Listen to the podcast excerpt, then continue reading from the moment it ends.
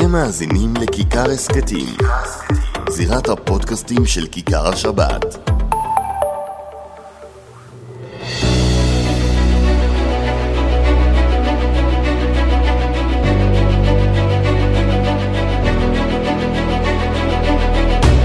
שלום לכם, אנחנו עם עוד הצפת מבית uh, הזירה מבית כיכר השבת. Uh, אבי בידרמן, שלום. שלום, שלום, שבוע שלומך? למה מה? שבוע טוב? למה לא? יום רביעי, אנחנו משדרים את זה גם ביום רביעי, מוקלט כן, הש- היום, מצולם, מקסימום יום מחר. יום חמישי, לא? מה, יקרה בין עכשיו ליום ראשון? או-הו. יהיו עוד הרבה חדשות באמצע. טוב, אתה יודע מה? אנחנו ממש אנחנו מקליטים את הפודקאסט הזה, את ההצפת.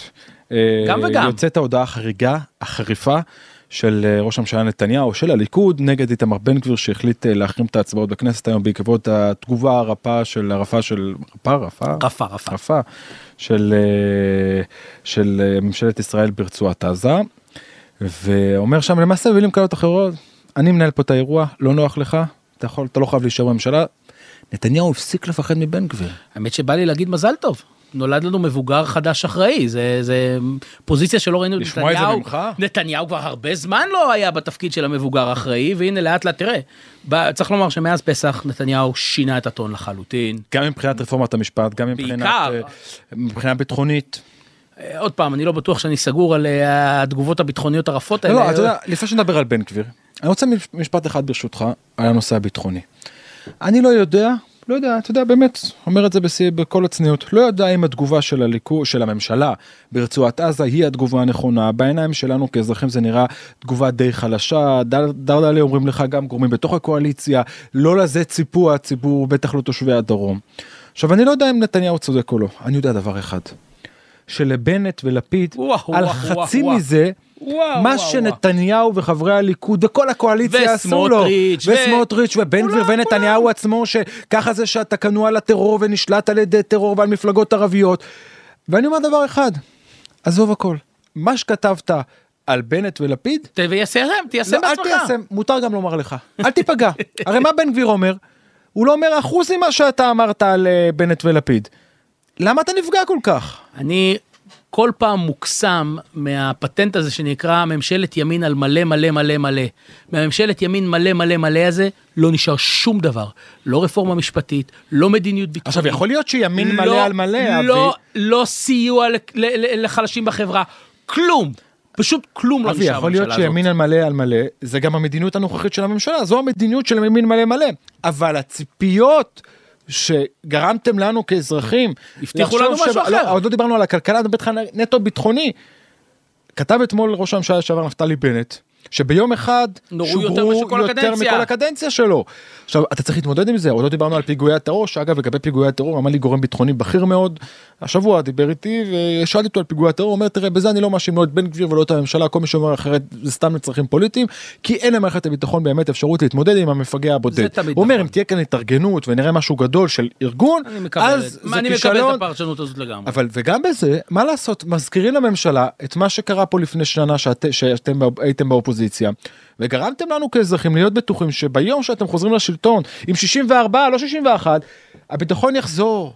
נוכל ללכת חופשיים וחג הפסח האחרון היה אחד החגים מבחינתי מחרידים, כאזרח מחרידים. אני יכול לספר לך אולי סיפרתי לך את זה בפעם הקודמת פעמיים ביטלתי יציאה עם אשתי והילדים בחג הפסח כי חששתי כי, ח... כי פחדתי אני לא אתה יודע לא לא מנסה לטאטא את זה זו האמת. מה, אנחנו ישבנו במרכז הארץ, בחג, ואתה שומע את, מסוק, את מטוסי הקרב מעליך, זה, זה שנים לא שמענו את הרעשים האלה. זה, אני חושב, היה, היה פסח מחריד, ואתה מצרף את הכל לכל מה שקורה גם בדרום, אתה מצרף לרפורמה המשפטית, אתה מס- הרצח מצרף בגז... את... בחברה הערבית, שמע זה מזעזע, אנחנו מקליטים היום, יום רביעי אנחנו כי- מדברים כבר כי החליטו שלא צריך פרויקטור. לא, אגב לא נראה לי שכולם ערבים, אני לא, לא רוצה לטעות בנתון הזה? אבל ארבעה נרצחים. מהבוקר. מהבוקר ארבעה נרצחים אבי היום, וזה היום עוד לא הסתיים. אנחנו מקווים שזה ייגמר בזה, אבל זה באמת, אני חושב... וזה בן גביר שאמר שהוא יחזיר לנו את הביטחון, שיחזיר את הביטחון לרחובות. העניין הוא שבכל מדד הממשלה הזאת נכשלת. אין מדד אחד שאתה יכול להגיד וואו, ואז אתה שואל אותם, למה אתם נכשלים? הממשלה הקודמת. תחיל רבאק, תגיד לי מה אתם ילדים? כמה עוד תאשימו את הממשלה הקודמת בכל הפגעים האלה? ועוד פעם אני אומר, ואני מדגיש אבי, גם לצופים ולמאזינים שלנו, ייתכן מאוד שנתניהו פועל נכון, שהממשלה פועלת נכון, שלבן גביר אין באמת יכולת טכנית למגר את הפשיעה בחברה הערבית, בטח לא בזמן של ארבעה חודשים, שאי אפשר למנוע את הפיגועים של המחבל הבודד, של המפגע הבודד, הציפיות. והדברים שאתם אמרתם בתקופת בנט ולפיד, פשוט צפים לכם עכשיו. אתה יודע, אני, יש לי כזה אבל- אבל תחביב. כזה, ב, כשיש כמו אירוע ירי שהיה שבוע אתמול בדרום, להקפיץ ציוצים של בן גביר, של נתניהו עצמו. מר ביטחון. זה, זה ספורט לאומי. עכשיו כן. אתה כמר ביטחון לימדת אותנו מה צריך להגיב, איך בנט היה צריך להגיב ולא הגיב. יצאת יותר מודאג מהפגישה עם ראש הממשלה לפיד אז. ודאי, ודאי. אבל אני... מה, מה, מה שונה? אומרים בדיוק- לך גורמים באופוזיציה אבי שאנחנו בתקופה שלנו בקואליציה עשינו את מבצע החגורה שחורה אם אני לא טועה עם אה, הג'יהאד האיסלאמי מה שביבי לא עשה כל ארבעה חודשים על פחות מספר כן, הטילים שהיו. כאן. אבל אני, אני רוצה לשאול אותך, ישי, מה זה עושה בפוליטיקה החרדית? כי הרי בסופו של דבר, החרדים הם באמת ציפו ל-XYZ, אנחנו לא קרובים ל-XYZ הזה. ביטחונית אנחנו, לא, המצב אתה- מחמיר אתה- והוא יפה, מטריד. אתה, אתה גולש לנושא הבא שלנו וזה גם הזמן לגלוש לנושא הבא כי בנושא הביטחוני אתה לא שומע יותר מדי אה, התבטאויות אה, מצד גורמים חרדים. לכן על אני שואל אותך, לכן אני שואל אגב, אותך. חבר הקבינט היחיד הוא לא חבר הוא משקיף זה אריה דרעי. לכן אין הרבה החרדים משתדלים לא להתבטא בנושאים ביטחוניים בטח בתקופה כזו שכולם עסוקים אה, בחוק הגיוס וזה הנושא הבא שלנו. ואתה יודע מה אבי אני אקח אותך עכשיו לתפקיד תגידי כמה כמה צריך לשלם על זה יועץ הסיעות לא מעט, החרדיות לא מעט. עוד כמה פעמים יצטרכו להתקפל. אני לא יודע, אפשר תמונה, להתקפל יותר מ- השבוע, מה... השבוע שלחתי לך את זה שבמגזר מריצים צריך להגיד הפודקאסט בחסות מקופלת את החטיף שוקולד מקופלת שזה מה שעובר על הסיעות החרדיות התקפלות אחרי התקפלות. לא יהיה קו אדום? אני לא יודע אז בש... אני באמת לא מצליח להבין למה הם מלכתחילה נכנסו לממשלה הזאת ולא נכנסו גם מאיר לממשלה פרוש הקודמת. שואל את זה. אגב, נכון, כי להזכירך, גם פרוש וחבר כנסת נוסף ניהלו משא ומתן תמיכה מבחוץ של הממשלה? הקודמת. אה, אה, הזכרת נושא מאוד חשוב שזה אנחנו גולשים לרגע אחד מנושא הגיוס לנושא הזה ומיד חוזרים לגיוס וזה הנושא התקציבים. ואנחנו יודעים שאתה יודע מה זה אותו נושא כי בסוף זו, זו, זו לפחות זו הפרשנות שלי שנתניהו הבטיח לחרדים היו כמה נושאים מרכזיים אחד פסקת התגברות ברוב 61 האדמו"רים אני דיווחתי את זה בזמן אמת האדמו"רים נתנו הוראה לחברי הכנסת של אגודת ישראל לא חותמים על הסכם קואליציוני אם נתניהו לא מתחייב על פסקת התגברות ברוב 61 גם אם תקבלו את כל התקציבים. זה הבטחה ראשונה הבטחה שנייה חוק גיוס לפני תקציב המדינה. הבטחה שלישית תקציבי החינוך החרדי. עכשיו נתניהו את שלושת ההבטחות האלו הפר. מפר מה זה הפר מפר אותם בימים אלו. עכשיו אחרי הרעיון עם פרוש אני אומר לך כזה דבר אם נתניהו יתפשר באחת ההבטחות הללו ואנחנו יודעים שפסקת התגברות לא תהיה עכשיו זה ברור לכולם ואז או חוק הגיוס או אה, אה, תקציב החינוך החרדי לדעתי הוא יתפשר בתקציב החינוך החרדי ואז אנחנו נראה את האירוע הזה מאחורינו וכאן ההערה שלי. ונראה לי שאתה מכיר את הפרטים האלו לא ממני ואני לא מחדש לך שום דבר עכשיו. תקציב המדינה הקודם בתקופת בנט לפיד ליברמן פרוש ואייכלר קיבלו הצעות ש... מטורפות מטורפות לגמרי. רק תימנעו בהצבעה נכון. והם לא הסכימו ולכן הצביעות עכשיו לדבר על תקציב החרדים בטח מהאופוזיציה הנוכחית בואו תלו. קורה מבין עיניכם. אבל אני אגיד לך יותר מזה. אני חושש שמה שהסצנריו שאתה מתאר הוא לא, הוא לא אפשרי. לא חושש, האמת שאולי זה דווקא טוב למדינת ישראל. הוא לא אפשרי כי לפי מה שאני מבין, תקציב המדינה הנוכחי חסר במקורות מזה, ש... מזה שנים, זו פעם ראשונה כאילו, שיש מחסור אמיתי במקורות. לקחת עכשיו ולהוסיף עוד מיליארדים לחינוך החרדי, משמעו לעשות פלט, מה שנקרא קיצוץ רוחבי, כלומר קיצוץ בכל התקציבים בסך של 5%, 7%, מה שאומר שכולם ישלמו פה מחיר מאוד מאוד גדול. להערכתי, נתניהו חושש גם מזה, כי זה ההפגנות כלכליות, זה כבר לא הפגנות של שמאל ולא הפגנות של uh, ליברלים, זה הפגנות של כולם, זה הפגנות שלא רק החלב יעלה, אלא גם לא יהיה לך, לא, אה, אתה, השירותים החברתיים שלך ייפגעו, ביטוח הלאומי יכול להיפגע מדבר כזה. לכן אני חושב שיש פה בעיה אמיתית בלתת את ההבטחה הזאת. אז, אז אני לא יודע אם נתניהו באמת יוכל הוא, להתפשר פה. הוא חייב להתפשר במשהו אבל אתה לא יכול להגיד הכל לא לא. אני, אני מבין... אתה יודע אומר מאיר פרוש אם אתה חתמת על הסכם קואליציוני למה אתה חותם אתה יודע שאתה לא יודע לעמוד בזה. ואיך הוא אמר לי אני לא פה? חושב שהוא ידע. הוא אמר לי אם אתה אומר לא יכול. תפנה את הלשכה ממנו לך הביתה הוא אמר. הלוואי, מה אני אגיד לך? אתה אומר הסכמה הסכמה חריגה ונדירה בין אבי וידרמן למאיר פרוש להצביע לו לא תצביע אתה יודע מה אם הוא יפיל את הממשלה אולי תצביע לו. אני אשקול את זה בחיוב. עכשיו ברצינות אה, ידידי. התסכול החרדי הוא לא רק של מאיר פרוש. עכשיו אני חוזר לחוק הגיוס ואז עובר לשלושת הדברים המרכזיים. התסכול החרדי הוא גם של דגל התורה גם אגודת ישראל. דגל ו... ודגל התורה וש"ס. דגל התורה וש"ס מבחינתן, הם לא מאפשרות לנתניהו לדחות את חוק הגיוס מאיר פרוש וישראל אייכלר ממשיכים להתעקש חוק גיוס עכשיו. הם לא יכולים להתפשר על זה, לגפני יש את הפלג הירושלמי, נכון, ול, ו, זה ו, ברור. ולגולדקנופ יש את האדמו"רים, ולש"ס יש את קהילת בני התורה, ועכשיו עם המועצת שהוא הכניס לשם את הגאון הרב סלים שנחשב אה, קרוב למרבית סבב בני התורה, האירוע הרבה יותר מסובך ממה שחושבים. ולכן אם פרוש ואייכלר ממשיכים להתעקש על חוק הגיוס, נתניהו יודע שהוא בבעיה והעבירו לו את זה גם אנשים מתוך אה, ש"ס ויהדות התורה ודגל התורה. עכשיו, התסכול הוא הרבה יותר רחב. אחרי הקמת הממשלה, כשהחרדים אמרו בואו נתקדם עם התקציב, יריב לוין אמר להם אל תדאגו, יהיה תקציב תקבלו. נתניהו ישב איתם בישיבת הממשלה, ישב, אמר לגולדקנופ שם מאחורי הקלעים, מה אתה דואג? לא ולבבצ'יק, אל תדאג. אמר פרוש אגב, הוא צודק, נתניהו אמר כסף זה לא תהיה, לא תהיה הבעיה שלנו, יש כסף. זה אחד. שתיים, חוק הגיוס וכל מה שקשור מסביב לחוקי דת, יריב לוין אמר להם חבר'ה, הכל מוקפא. החוק היחיד שהוא הסכים להם זה חוק החמץ אידיוטי. הכל מוקפא עד אחרי רפורמת המשפט. אל תערבו לי פה את הנושאים, אני מבטיח לכם, רפורמת המשפט עוברת עד סוף מושב החורף. ואז תקבלו הכל. אתם לא צריכים שום דבר, אנחנו שולטים בהכל. החרדים התעקשו, יריב לוין אמר להם חבר'ה סמכו עליי. מה קורה היום? החרדים נשארו בלי חוק הגיוס, בלי תקציב, בלי פסקת התגברות, והרפורמה אה, מוקפאת. אמר לי היום בכיר חרדי, בכיר מאוד חרדי בפוליטיקה החרדית, הוא אומר לי ישי, יריב לוין האכיל אותנו את הדגים המסריחים, ועכשיו הוא מגרש אותנו מהעיר. ואני שואל אותך, אז מה? מי מתרגש מזה? שאלתי את מאיר פרוש, הוא אומר אני לא הייתי אומר לנתניהו לסמוך על זה.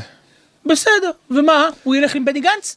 ילך עם יאיר לפיד? ילך לא, עם אביגדור לא, ליברמן? לא, אבל- אז גמרנו. נתניהו יודע שהחרדים בכיס שלו, לא משנה מה הוא יעשה. פה אני חולק עליך דבר אחד לגבי מאיר פרוש, קודם כל מאיר פרוש וישראל אייכלר כן, אני אומר את זה. עדיין, 62. כן, אבל זה מסבך אותו עם ש"ס ודגל התורה. יפילו את הממשלה על זה? לא, יפה אבל מאוד. ברגע ששניהם פורשים על רקע חוק הגיוס, נתניהו מקובע בנושא הגיוס, ויהי מה לא משנה שום דבר. שנית, הוא כבר על 62 אצבעות. פתחנו את הפודקאסט עם איתמר בן גביר, איך אומרים? ההימור של אבי וידרמן בחירות תוך שנה מתחילות, מתחיל, אני צריך לך עוד מסעדה השנה. אתה תבין? אני- זה- לא זה שיניתי האירוע את עמדתי. ונתניהו מבין את זה. והחרדים אומרים, קיבלנו ממשלה של 64 מנדטים, החלום הוורוד שלנו. אתה יודע מה, אני רוצה לחזור... קבלות. אני רוצה לחזור לפתיחת הפודקאסט עם... אה, רגע עוד משפט אמר פרוש זה האירוע פה. אנחנו שומעים מנתניהו בממשלת ימין של 64 את אותם תירוצים שקיבלנו מממשלה שהיינו באופוזיציה מבנט ולפיד.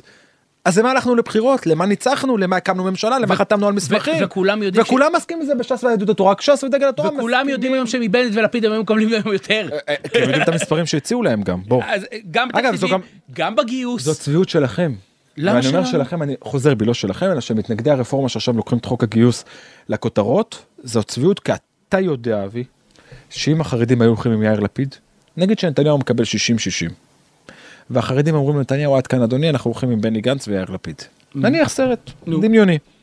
לפיד וגנץ נותנים להם חוק גיוס על מלא יותר טוב מהיום. לא. היו- הולכים על החוק של גנץ. לא היו הולכים על החוק של גנץ. אתה יודע מה היו מרככים את החוק של גנץ שהיה מגיע לרמה של היום בסוף. לא בדברים המרכזיים שאין מכסות ואין סנקציות.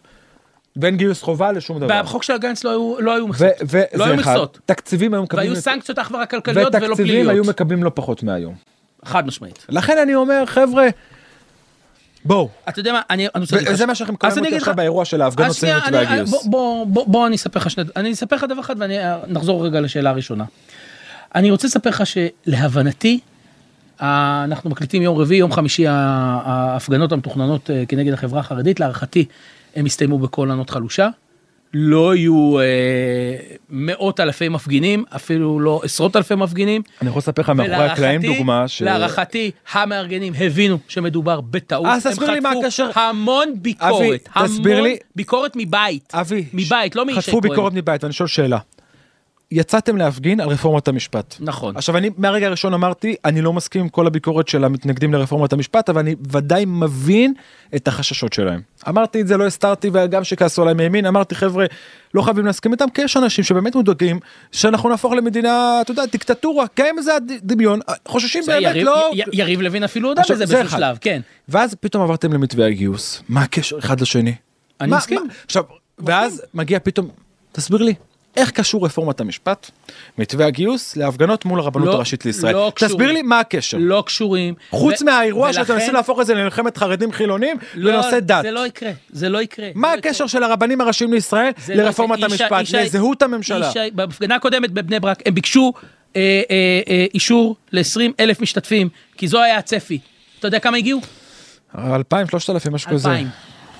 אלפיים. הם מבינים שהציבור שיצא להפגין כנגד רפורמת המשפט כמוני, לא יבוא איתם לפרובוקציות האלה, זה, ואנחנו כבר היום מבחינתך. ההפגנה מול הרבנות הראשית היא פרובוקציה? חד משמעית. אתה לא תלך לשם? אני פעם, נראה לך? למה שאני אלך לשם? ואני אומר לך, גם לא מרבית חבריי. ועדיין אתה הולך כל מוצאי שבת להפגנות. כל עוד ההפגנות יהיו על מערכת המשפט ועל שלטון החוק ועל רגע, הדמוקרטיה אז אתה הישראלית, מסכים איתי בתפיסה שלי, אני אהיה שם. ביום שאנחנו שהם יהיו מגיעים נגד חרדים, לנקודה... אני לא אהיה שם. לא, אבל זה גם לא רק נגד חרדים, אני חושב שהתפיסה היא, לפחות בעיניים שלי היום, שנגיד יש 100 מפגינים בכל מוצאי שבת, בשביל הרעיון, 80 מפגינים מתוכם, מדבר על 100 אחוז, 80 אחוז מתוכם באמת מגיעים ממקום של מודאגים מרפורמת המשפט. ויש שם 20 אחוז שאלו שאנחנו נראה אותם מחר בהפגנות בירושלים יום חמישי, שבאים כדי להפיל את הממשלה, זה לגיטימי. אבל אל תספרו לנו סיפורים של רפורמת. המשפט. מקבל, מקבל, אני חושב שגם באחוזים נכונים, אני חושב שבין 20 ל-30 באים, אני אפילו מרחיב ממך, אני חושב שבין 20 ל-30 אחוז מגיעים כדי אה, אה, להפגין כנגד הממשלה באשר היא, ומחר זה בבלפור, ומחרתיים זה רבנות ראשית, והם הפגינו, הם הפגינו נגד כל מה שהממשלה הזאת... כל- הדגלים השחורים וכל אלה. כן, בדיוק. אבל רוב עוד פעם אני אומר, הציבור- לגיטימי להפגין ולבקש שהממשלה כן, תיפול, אבל לא- אבל אל תהפכו את זה פתאום מרפורמת המשפט, אל תנסו בדיוק. לקחת את ההמונים שבהם נגד הרפורמה, להפוך את זה לנגד הרבנות הראשית. אני רוצה להגיד לך משהו שזה גם בעיניי תעודת כבוד לחברה הישראלית וגם לחברה הדמוקרטית הליברלית שיוצאת להפגין, זה תעודת כבוד מאוד גדולה שהם לא נסחפו אחרי ההסתה הזאתי והם לא קנו את השטויות האלה שמנסים למכור לנו על, הח- על החברה החרדית ועל האיום שהיא מהווה אלינו. זה פשוט חוסר הבנה של החברה אבל עכשיו הישראלית. תבין מה עובר על החרדי הממוצע, הוא אומר תקשיבו. אבל לא- תראה איזה רגע, ש- רגע. שמקבלים הגנה היום הציבור הד- הדמוקרטי אבל, אבל. תסתכל, אומר לך החרדי הממוצע, חוק הגיוס, תראה, מקופלת. רפורמת המשפט, מקופלת. חוק המתנות, מקופלת. חוק דרעי, מקופלת. אני אומר מקופלת אז סביב החטיף שוקולד, מה השיחה הקודמת שלנו. התקפלנו בהכל. נו, יאללה ו- ישי בואו הביתה. רגע. ישי בואו לא, הביתה. לא, לא, אבי לא יעזור לך, אתה, אתה, עוד רגע, אתה יודע מה, עוד רגע נקדיש לזה שתי דקות, מה שאמרת עכשיו, אבל אומרים לך חרדי הממוצע, ואני שומע את זה לא מעט גם מחברים, לא מהתקשורת, בבית כנסת, בשכונה, התקפלנו בהכל. למה הם ממשיכים לדבר על החרדים? למה? כי זה המחנה המשותף הנמוך ביותר שאפשר להגיע אליו. אתה יודע מה? יותר, אני אתקן את עצמי? זה מה שהם חשבו. אגב, ואולי, ואמר לי, אמר לי את. זה אחד מראשי לא הסיעות. החרדיות השבוע, אולי הם מפרשים את הרצון שלנו להידברות כחולשה, ולא כדאי להם לנסות אותנו. אני, אני, אתה יודע מה? כל הכבוד לו על זה מה שהוא אמר. טוב, צודק. עכשיו, עכשיו אמרת חז... חזרו הביתה. חצי משפט על זה, ואומרים לי את זה תמיד כל ראשי הסיעות החרדיות, חברי כנסת, דרעי, גולדנופ, גפני, כולם, כל פעם שאני מדבר איתם על זה. אנחנו לא כפופים לנתניהו ברמה של הערצה לנתניהו. אנחנו מחוברים לגוש הימין, ומה לעשות אבי? בוא, אתה יכול להודות על זה. המסורתי שמתפלל בבית כנסת בשבת ואחר כך, לצערי הרב, הולך לחוף הים או יושב לראות סרט, מחלל שבת, אבל עושה את הקידוש שלו. רובם ככולם הם אזרחים שמצביעי ליכוד. אני לא אומר שאין אשכנזים כאלו, אבל. המסורתיים, היום, שתבוא אפילו לאחד ששולח את הבנים שלו לקרב ותגיד לו מה אתה אומר על זה שהחרדים הולכים ללמוד תורה, יגיד לך גם אם אני לא מסכים איתם, אני מבין אותם שהתורה שומרת עלינו, הוא מצליח להכיל את זה. במחנה השני זה פחות קיים. אני, אני, אני מסכים ולא מסכים. ולכן החיבור הטבעי הוא, ואגב אני רואה את זה גם עם המשפחה שלי, המורחבת, שהם לא חרדים, וסיפרתי לך את זה לא מעט. הם חבר'ה שלא שומרי שבת, לצערי. הם אומרים לך, החיבור שלנו עם החרדים, הוא חיבור טבעי, ש... אומר, אומר לי ינון מגל והוא צודק, זה גוש אמוני, שפחות קיים זה סיפור, אצלכם. זה סיפור, זה נרטיב נורא בוא, נחמד. איך אומר לפעמים הר"ן הראשון אצל הרב יצחק יוסף? אולי נתחרט על זה. אז אה, אפשר גם לחתוך. אתה, לא, לא, אני לא יכול לחתוך ונגיד. בפודקאסט הזה אני אומר הכל לפעמים. אומץ. ואגב זה לא רק הוא אומר את זה הרבה רבנים אומרים את זה. כשתסתכל על זהות הרפורמים רובם לא ספרדים. אני רוצה להגיד לך משהו. הבנת את העומק של מה שאמרתי הרגע? הבנתי, ואני רוצה להגיד לך משהו. אני חושב שפה אה, דיברנו על נרטיב, על, על, על סיפורים שהם מספרים לפעמים, זה סיפור נורא יפה. אני רוצה לגלות לך סוד, אבל אל תגלה אותו לאף אחד, טוב. ישי. אין רפורמים במדינת ישראל. אה, לא מדבר על מדינת ישראל בכללי. תומכי הרפורמים. כל, כל האירוע הזה זה נמצא יותר פחות אצל הציבור המזרחי. בצ... אני אגיד לך למה, כי בציבור המזרחי האותנטי, האותנטי, אתה לא צריך להיות רפורמי, אתה יודע למה? כי המזרחיות מאפשרת לך, וזה, אבישי בן חיים מדבר על זה כל כך יפה, ואופיר תגידי, מה קרה לנו. שכל פודקאסט אנחנו מדברים עליי אבישי בן חיים בסוף השם שלו עולה תקשיב, אצלנו? כי שנינו- טוב, כי שנינו אנחנו מדברים כל מחבבים כך אותו כנראה. רגע, לפני זה. כן. אני רוצה להבין ממך, עדיין לא קיבלתי תשובה, ודווקא אני רוצה לחזור לשאלה הראשונה שלך על איתמר בן גביר. מה האלטרנטיבות בסוף? יש מי שיפיל את הממשלה הזאת או לא? לא, אני חושב שאיתמר, אצל בן גביר יותר מהחרדים, כן יש פה אדם שמסוגל להפיל את הממשלה. למרות שנתניהו בטוח שלא, ככל שהתגברו... איתמר זה החוליה החלשה. אגב, מה אתה שואל אותי? אתה- מלמד שלי בנושא הזה.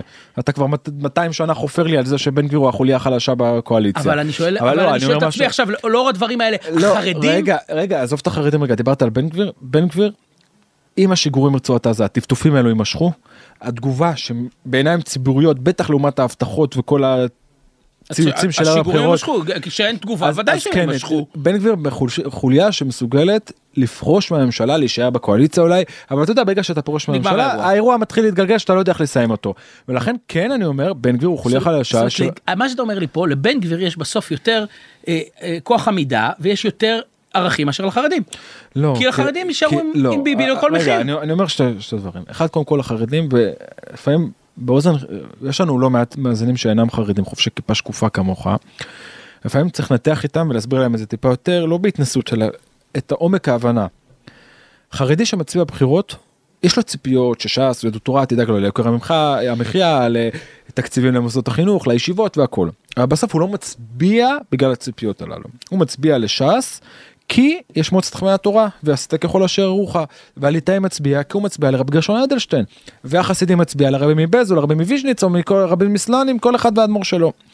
ולכן לטוב ולרע החרדים לא חוששים כאילו ללכת לבחירות כי בסוף בכל מצב אותם מצב פחות או יותר המפלגות החרדיות. המפלגות החרדיות לא חוששות מזה באמת כי בסוף המצביעים יגיעו איתם בכל מצב גם אם יתאכזבו מהם- יתאכזבו מהם. אוקיי, ומה יהיה בסיבוב הבא?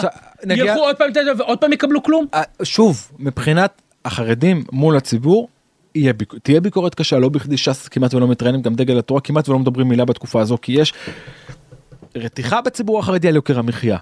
וגם שם לא מעט שקרים אני שהיו. לא מצליח להבין, ישי לא מצליח, דבר אחד לא מצליח רגע, להבין, רגע, למה רגע, לא לחזור רגע, להיות לשון רגע, מאזניים, רגע, זו שאלה. ואז להתחיל ח- לקבל גם דברים, לא יודע, אגב, זה- זה זה מה זה מה- מחודשת. זה מה שמאיר פרוש עשה ברעיון הזה אבל. מאיר פרוש עשה את זה גם בקדנציה כן, הקודמת, אבל הוא לבד. הוא קיבל הישגים. איפה גפני? עכשיו, איפה עכשיו דרעי? רגע, שאלת על בן גביר. בן גביר כן יודע שהמצביעים שלו לא יישארו איתו אם הוא לא יעמוד בחצי מההבטחות שלו, בעשרה אחוז מההבטחות שלו. ולכן אם הוא אומר רבותיי, ניסיתי, נתניהו לא נותן לי, אני פורש מהממשלה, נשאר בקואליציה, לא מפיל את שלטון הימין, אבל אנחנו כולנו יודעים לאן זה הולך. הוא יחזיק לפחות את הכבוד שלו. חבר'ה, אני אמיתי איתכם, מרים ידיים, הוא נתניהו לא יביא נותן לי. חמישה מנדטים במצב כזה. בסדר, נכון. ואם לא, הוא לא יביא גם את החמישה הללו. נכון. אז זה מה שאני אומר, בסוף זה האירוע מבחינת בן גביר, אבל אנחנו. חייבים לסיים ויש לנו חוב אחד שאמרנו כמה פעמים. יש לנו פינה. ועכשיו בזירה, הבחירות לרבנות תשפ"ג. בחירות לרבנות הראשית אבי וידרמן. עכשיו, תכננו לדבר על זה לא מעט.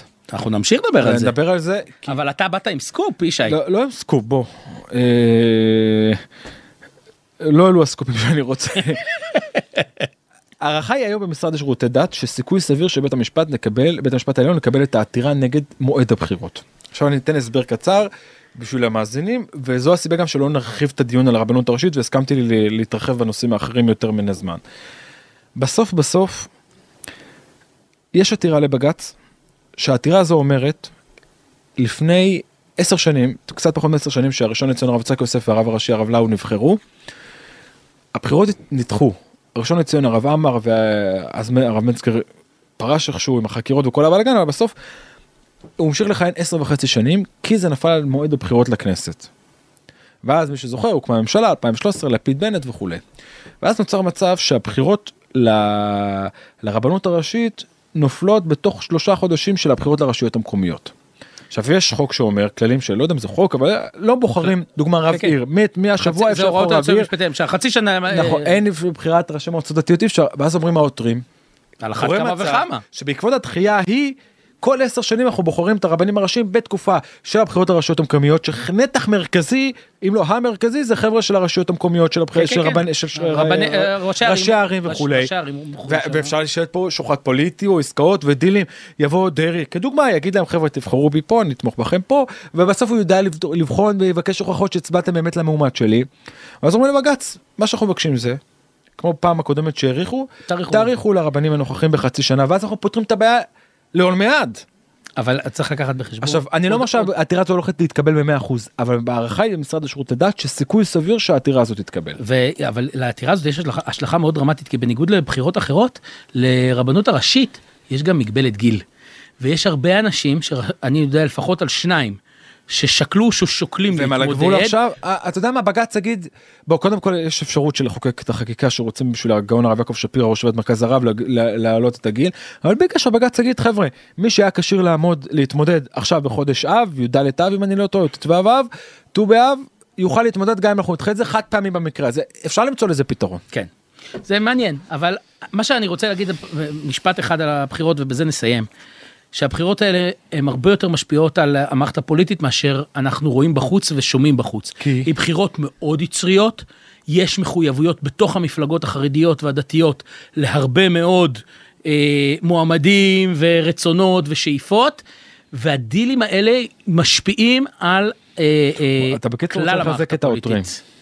אני לא מחזק ולא מחליש, אני אומר, מסתכל על המציאות כפי שהיא ואני אומר, אלה בחירות הרבה יותר חשובות ומשמעותיות לעתיד אברהם. שלנו פה, מאשר אנחנו בדרך כלל עוסקים בה. וידרמן אברהם. היה לי לעונג כמו שי תמיד. כהן, שבוע טוב. שבת שלום איך שבוע טוב. שבת שלום, שבת שלום. אה, תודה רבה לך אדוני.